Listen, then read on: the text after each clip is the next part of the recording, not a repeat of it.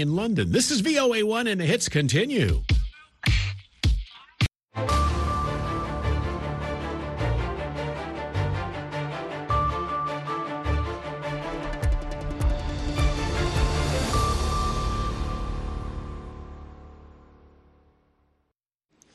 halkani waa washington laanta af soomaaliga ee v o a oo aad si toosa uga dhegaysanaysaan muujadaha gaagaaban iyo weliba efemyada geeska afrika iyo caalamkao dhan ood nagala socotaan boggayaga v o a somali com.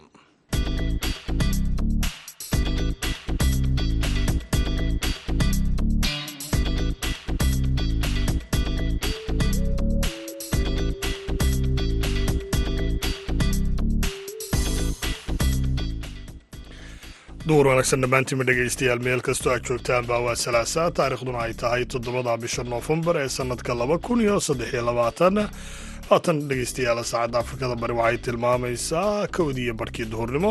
Idaacadda duhurnimo ee barnaamijka dhallinyarada maantana waxaa halkan idinkala socodsiin doona aniga oo cabdixakiin maxamuud shirwac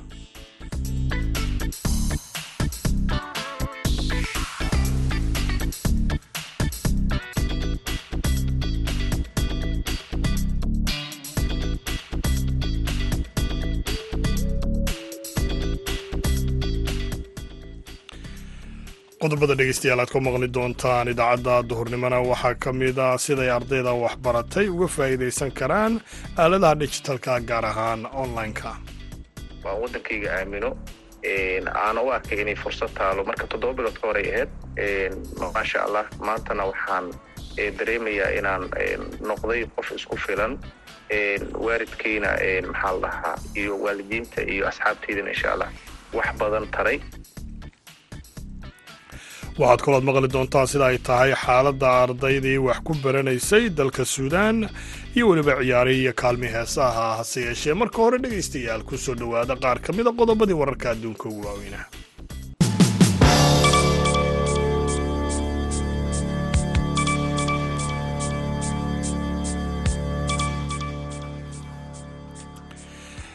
ra'iisul wasaaraha israa'iil benjamin netanyahu ayaa sheegay in israa'iil ay tixgelin doonto hakin kooban oo farsamo ah oo lagu sameeyo dagaalka ka socda qasa si loo sii daayo dadka la haysto amaba gargaarka uu halkaasi u galo. Hase yeeshee waxa uu ka soo horjeestay baaqyada xabad joojinta iyadoo ay jiraan culaysyo caalamiya ku imanaya iyagoo dhinaca kale dhinaca waqooyi kaga hareeraysan marinka qasa ee ay dadka badan ku nool yihiin. Halkaas oo xamaas ay degan tahay ayaa militariga israa'iil ay sheegeen in ay la wareegeen xaruntii kooxda ee ay sheegeen inay dagaalyahanadu ahayd in ay ka soo weeraraan amaba ay ku dhumaalaysanayeen godadka dhulka hoostiisa ka qodan sida ay sheegeen saraakiisha caafimaadkuna ugu yaraan saddex iyo labaatan falastiiniyiin ayaa ku dhintay. Laba duqaymood oo kala duwan oo israa'iil ay subaxnimadii maanta ka samaysay magaalooyinka ku yaalla koonfurta qasa ee khan yunis iyo weliba rafax sida ay sheegeen mas'uuliyiintaasi caafimaadku. Magaalada khan yunis ayaa iyadana la sheegay in nin laga soo badbaadiyey burburka dhismaha hoostiisa waxaanay mas'uuliyiinta caafimaadku sheegeen in weerarkaasi ay ku dhinteen amaba lagu dilay koob iyo toban qof militariga xukuumadda dalka maali ayaa ka soo horjeestay kuna tilmaamay mid aan salya raatoona lahayn eedoo ay u soo jeediyeen kooxda xuquuqda insaanku. Kuwaasoo ahaa in askarta dalkaasi iyo weliba koox calooshooda shaqaystayaal ruush ahi ay howlgalla ay sameeyeen ku dileen afartan qof oo rayida wasaaradda arrimaha dibadda ee dalkaasi ayaa magaalada bamako ka sheegtay in warbixinta toddobaadkii hore ay baahisay hay'adda xuquuqda aadamuhu ay xambaarsanayd argagax iyo weliba eex ay islamarkaana ay ciidamada qaranka ee dalkaasi la sintay ama ay barbar dhigtay kooxaha hubaysan ee islaamiga. Hay'adda xuquuqda aadamaha ayaa sheegtay in kooxaha islaamiga ah ee hubaysan iyo weliba askarta dalkaasi maali ay ugu yaraan boqol iyo shan iyo toddobaatan qof oo rayid oo qaar badan oo ka mid ay carruur yihiin ay dileen. Intii u dhexaysay bilihii abril ilaa iyo sebtembar iyagoo dilkaasi beegsashada aana cambaareeyey islamarkaana ku tilmaamay inuu ahaa mid dembi dagaal ah. Dhegeystayaal qodobadii wararka adduunka ugu waaweynaa waa naga intaa haatanna u diyaargarooba qaybaha kale idaacadda duhurnimo ee barnaamijka dhallinyarada maanta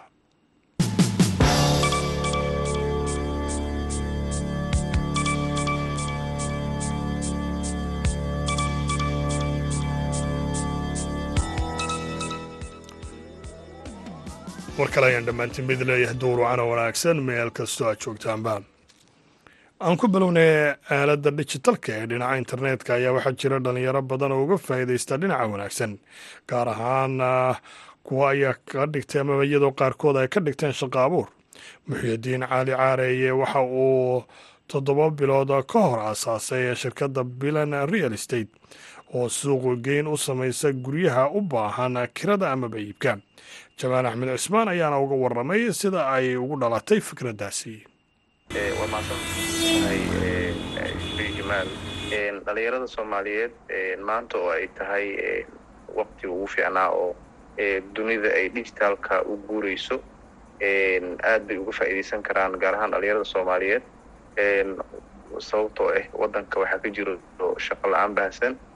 Laakiin haddana fursad kale oo digital ka muuqataa jirto marka way ka faa'iidaysan karaan tusaale anigoo kale waxaan uga faa'iidaystaa inaan dadka bulshada ku gaarsiiyo adeegyada ay u baahan yihiin sida guryaha markii ay rabaan inay gurya u guuraan oo kale inay inaan ku gaarsiiyo guryaha bannaan si maxaa la lahaa bishaas oo kale u degaan. Sidoo kale dadka u baahan guryaha iibka ah oo kale ama dhulalka oo kale ayaa adeegyadaas iyo adeegyo kale oo ay ka mid tahay maxaa la yidhaahdaa dhismahoo kale qaybta dhismahoo kale inaan qayb dhismaha oo aan leenahoo kale inaan ku gaarsiino dhismada naqshadaha iyo dhismooyinka iyo tayooyinka aan hayno oo kale inaan fursadaas aan u gaarsiino. Waayahay adiga goormay kugu dhalatay fikirkan inaad dhinaca online-ka uga faa'iidaysato in bulshada aad gaarsiiso waxyaabaha ay u baahan yihiin adiguna aada shaqo aad ka dhigato waa mahadsan tahay waxay igu dhalatay kadib markii aan waddankayga u arkay inaan inaanaan ka ka bixin oo aanan ka tahriibin oo aan waddankayga aamino aana u arkay inay fursad taalo. Marka toddoba bilood ka horay ahayd maasha allah maantana waxaan dareemayaa inaan noqday qof isku filan waalidkayna maxaa la dhahaa iyo waalidiinta iyo asxaabtaydana insha allah wax badan taray marka aadan uga faa'iidaystay waxayna ahayd toddoba bilood ka hor. Toddoba bilood ka hor ayaad bilowday bagekani bilan real estate.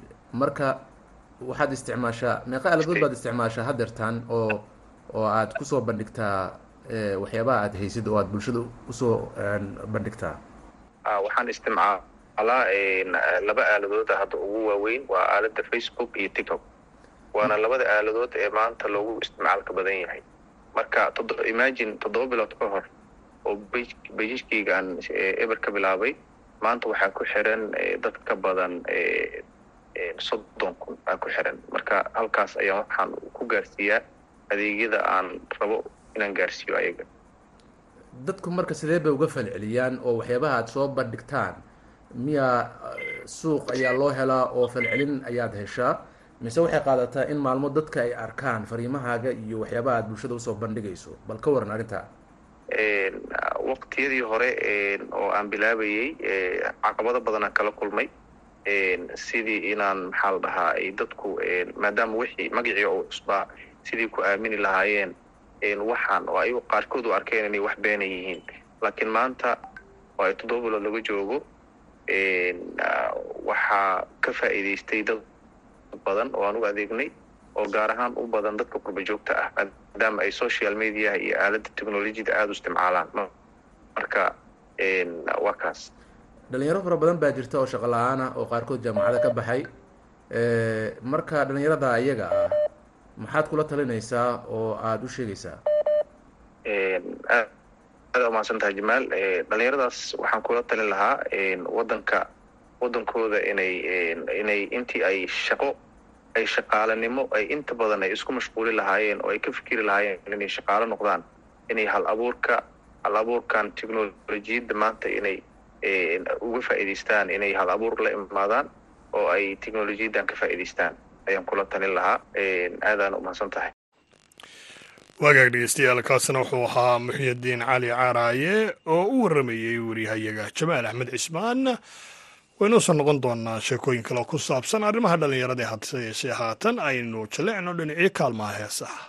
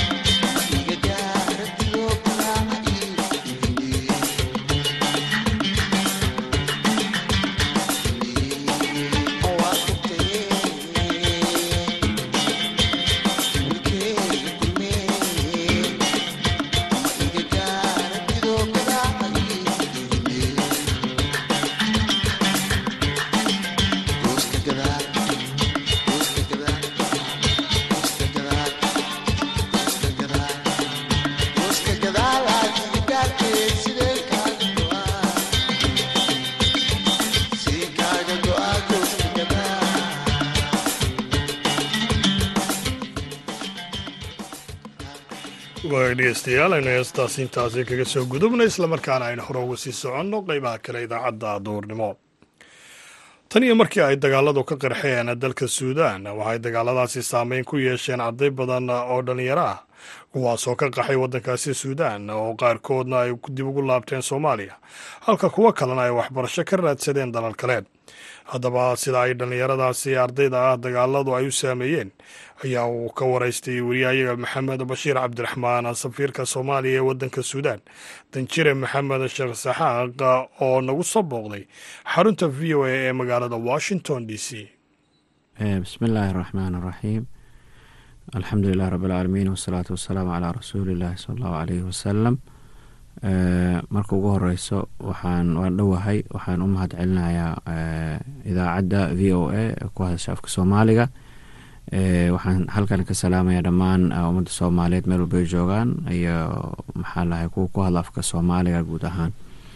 Intaa kadib saad la socotaan dhowrkii bilood wax ka badan lix bilood ayuu socdaa dagaalka wadanka suudaan.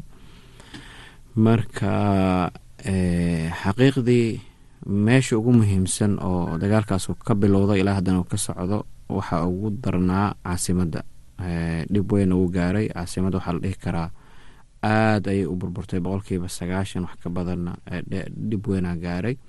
Welina wuu socdaa dagaalkii wuxuu ku sii fiday ama maalmahan hadda laga soo sheegaya daarfuur gaar ahaan magaalada loo yaqaan niyaala iyo eriyadeeda marka runtii dagaalkii wuu socdaa dhinaca dagaalka haddaan ka hadlo haddaan u soo laabto jaaliyadda soomaaliyeed iyo safaaradda iyo guud ahaan dadkii meeshaas joogay wakti badan baan gelinay dowladda soomaaliyeed haddaan nahay inagoo wada soconay hay'adaheena kala duwan safaaraddii iyo wasaaradda arrimaha dibadda iyo hay'adihii kale xafiiska madaxweynaha xafiiska baarlamaanka runtii waa loo wada istaagay gurmud oo deg dega loo fidiyey. Waxaa ku guuleysanaya wax lagu faanana runtii in jaalidii ugu horeeyey oo laga soo daadgureeyo wadankaas inaan noqono oo diyaarado loo soo diray inka badan saddex kun oo qof taqriiban. Inta badan dadkii waa laga soo bixiyey meesha boqolkiiba sagaashan iyo sagaal laga yaabo qof oo si gooni ah duruufo oo isaga u gaara ah la xiriiraan ama rabo inuu iska joogo ama rabo inuu gobol kale u wareego ama arrimo family la xiriiro oo guur iyo wax ka jiro oo macruur u joogaan oo suudaaniina gabar suudaaniin ay guursadeen wiil gabar suudaanida guursaday. Laga yaaba marka inay saas wax u dhacaan. Laakiin intii badan dadka way soo baxeen. Si fiican oo runtii xaqiiqdii markii loo fiiriyo dagaalkaas aan la filanayni in duruufaha adag meesha ka jiray iyo jaalidihii kale xataa dadka dadka maxaan lahay ka baxay. Waxaan rabaa inaan ku daro oo ah markaan annaga aan bixinay dadkeenii gaar ahaan annaga waxaan nagu saaciday waxay ahayd kow dowladda soomaaliyeed in maxay ahayd tole si fiican ugu soo jeesato arrintaas si kaalin weyn ay geliso wasaaraddan arrimaha dibadda qeybaheeda kala duwan iyo tallaabada ugu horeysa oo aan qaadanay ahayd in exitka laga baxayay suudaan meelo badan wadamo badan bay ilaa maxaa lahay toddoba wadan bay la tahay daris la tahay. Marka exitka aan qaadanay oo ah dowladda jaarka la ah oo etoobiya walaalaha nahay ayaan qaadanay saasaanu ku bixinay instruction in dadka ay meeshu aadaan ay u soo baxaan. Taasna way nagu saaciday markii lagu daro tan dowladda. Waxaa kaloo nagu saaciday magaalada loo soo qaxayay proximityga marki loo fiiriyo khartuum iyo khadaarif magaalada la yiraahdo iyada ugu dhawaashaha badan ilaa five hours six hours maximum ay qaadanaysay intaas waxaa sii dheereyd magaalada khadaarif waxaa deganaa dad soomaaliyeed oo soo degeen xilligii gumeystay ingiriiska wixii ka horeeyey oo dadka suudaan ku dhex biiray oo loo yaqaano soomaali shanuur dharjaarna waan ka sheegay idaacadda. Marka iyo dadkii ayaga soo dhaweeyeen oo deegaan siiyeen oo xaqiiqdii wax loo fududeeyey marka runtii waxaa wax lagu faana ah annaga ka safaarad ahaan iyo ka wasaaradda arrimaha iyo dibadda iyo ka dowlad ahaanba in dadkeena soomaaliyeed hal qofna aan wax ku gaarin diyaaradana loo soo diray oo dhammaan si fiican loo bixiyey. Marka ugu dambeyntii waxaa rabaa arrinta nuqdadaas inaan ku daro markaan annaga dadkii bixinay kadib waxaan soo aaday magaalada la yiraahdo bort sudan oo safaaradaha qaar ka mid ah ay joogeen oo dadkii ajnabiga ah intoodii badanna meesha ay ku soo xoomeen magaalada magaalo yar ah hal albaab keliya laga soo galo. Inta kale buuro iyo bad meesha looga baxa buuro waa meesha laga soo galo oo dhinaca suudan markii magaalada laga imaado magaaladaha iyo steydyada kale meesha looga baxana waa bad. Wado kale ma lahan. Marka laga reebo wado xiran oo yar oo masar gasho oo saynaha gasho. Marka dadkii o dhan meesha isugu yimaadeen meel laga baxaa la waaye markabaa la waayey diyaaradaa la waayey waxaa la waayey maxay ahayd tole wax alaal wixii lagu bixi lahaa. Ugu horeyntii faktii hore dagaalka. Marka markaa meesha tegay waxaan ku arkay kumanaan kun iyo boqolaal kun oo dadweyne kala duwan oo jinsiyado kala duwan leh oo meeshaas ku dhibaataysan guryo la kala dega la waayey oo meel la seexda la waayey oo wax lagu qaado la waayey aniga shaksiyan kula hadlayo markaan ka soo baxay waxaan ku soo baxay diyaarad military ah oo markaan ka soo dhameynay marka annaga xilligaasi dadkeena waxay joogeen magaalooyinka. Marka haddaan u soo laabto su'aashaadii ahay dadkii xaggee kala joogaan dadkii dabcan qof walba ahlu lahaa. Inta badan soomaaliya soo aadeen. Dadka qaarna waxay aadeen waddamada kale oo dariska ah waddamada khaliijka dad iqaamo ku lahaa deganaa. Etoobiya masar qofba meeshii markaas qaban karo. Laakiin dadkii inta badan soomaaliya yimaadeen. Waa tahay safiir waxay u badnaayeen arday dadka halkaasi joogay. Waxbarashadoodii bal maxaa laga yeela ma hab online ayay ku qaadanayaan mise waa inay meelaha ay u guureen ka sii wataan? Arrintaas caqabad weynay runtii nagu noqotay ka dowlad ahaan xukuumadda soomaaliyeed guud ahaan marka xukuumadda dowladda wada jirto oo gaar ahaan xukuumadda ra'iisul wasaare xamse uu hogaamiyana arrintaasi xil weynay iska saareen sidii loo xalin lahaa. Halkeeda qaarna waa la xaliyey qaarna waa lagu jiraa. Wasaaradda waxbarashada tiam ay u sameysay oo ay ka mid tahay gabadhii waxbarashada u joogta xafiiska waxbarashada u joogta safaaraddeena suudan oo rigli ku ah joogta xarunta wasaaradda oo mar walbana qoreyso oo xalinayso mashaakilka haysa. Dadku isku jiraan qof jaamacadiis dhamaystay isagoo shahaadadii raba inuu qaato ayuu qabta ku dhacday qofna jaamacaddii uu waday qof bilaaw buu ahaa sibay isugu jiraan. Qaar dokumentiya haystaan qaar dokumenti ma haystaan. Qaar hadday heli karaan jaamacadaha qaar waxaa la bilaabay system online ah. Magaalooyin qaar laga bilaabay oo sida masar ay u guureen qaarkood way bilaabeen laakiin weli jaamacado qaar aan xal loo helin iyo ardayda qaar aan xal loo helin. Marka ardayda oo xalkooda oo u baahan waxaan u sheegnay ama ku wacyigelinay wasaaradda waxbarashada anagoo kaashanayno inay iska rajisgareeyaan wasaaradda waxbarashada. Ra'iisul wasaare xamse wuxuu kala hadlay dowlado ay ka midka yihiin dowladda walaalaha nahay ee masar. Dowladda masarna waxay ballan qaaday in ardaydaasi ay u fududeyn doonto wixii waxbarashaha oo minxa oo scholarship dhegeystayaaalkaasina wuxuu ahaa safiirka soomaaliya ee dalka suudaan maxamed sheekh isaaxaaq oo u waramayey maxamed bashiir cabdiraxmaan. Dhegeystayaal waraysigan oo dhammaystiran idaacadaha iyaga dambe iyo weliba website-ka v o a somali com ayaad ku dhegeysan doontaan. Haatanna ku soo dhowaada xubintii ciyaaraha oo inoo hayo jamaal axmed cismaan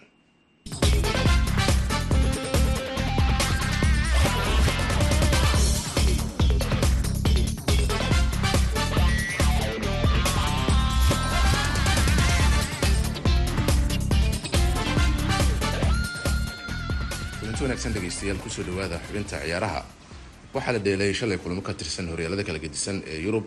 Haddii aynu ku bilowno wadanka ingiriiska oo kale wadankaasi ingiriiska kulan xiiso badan ayaa dhacay. Naadiga tottenham ayaa gagadeeda ku martigelisay naadiga chelsea waxaana naadiga chelsea ay ka awoodronaatay naadiga tottenham oo ay kaga badisay afar gool iyo gool. Inkastoo kooxda kubadda cagta ee tottenham oo ay goolka ku hormartay ayaa waxaa kooxda kubadda cagta chelsea afarta gool u dhaliyey saddex ka mid a ciyaaryahan jackson. Halka goolka kale uu u dhaliyay ciyaaryahan palmer kaasoo rigooro ahaa.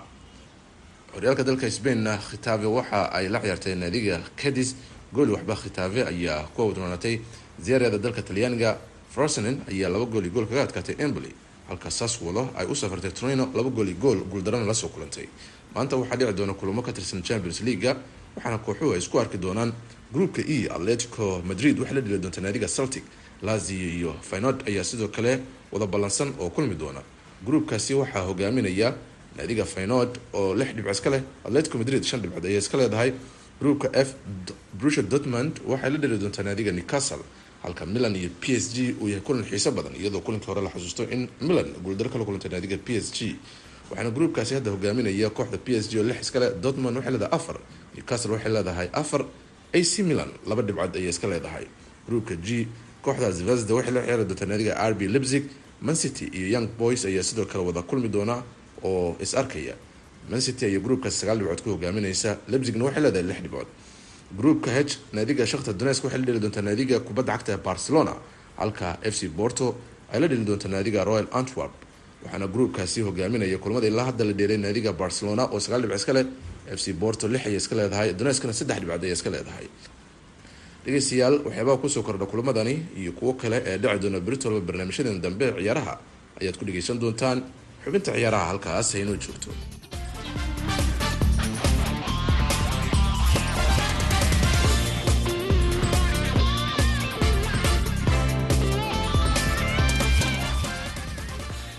aad iyo aad ayuu mahadsan yahay. Jamaal axmed cismaan oo inala socodsiinayay xubintaasi ciyaaraha.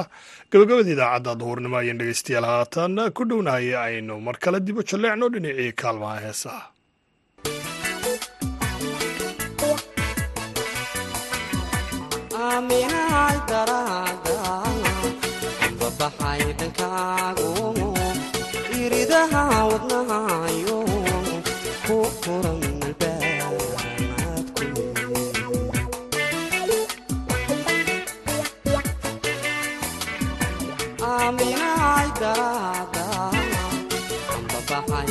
pago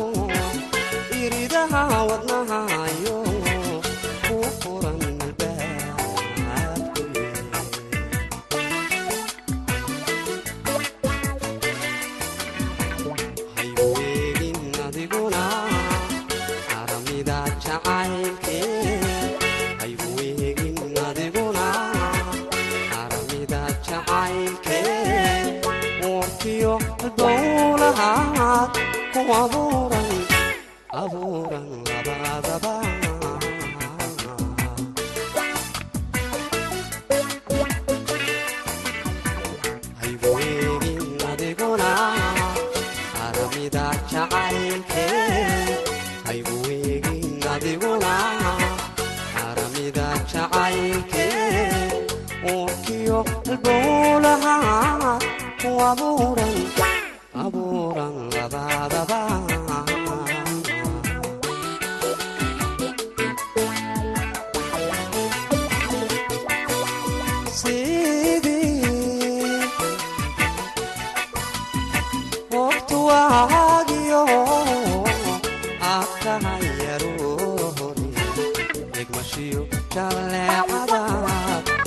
Oh, oh, oh.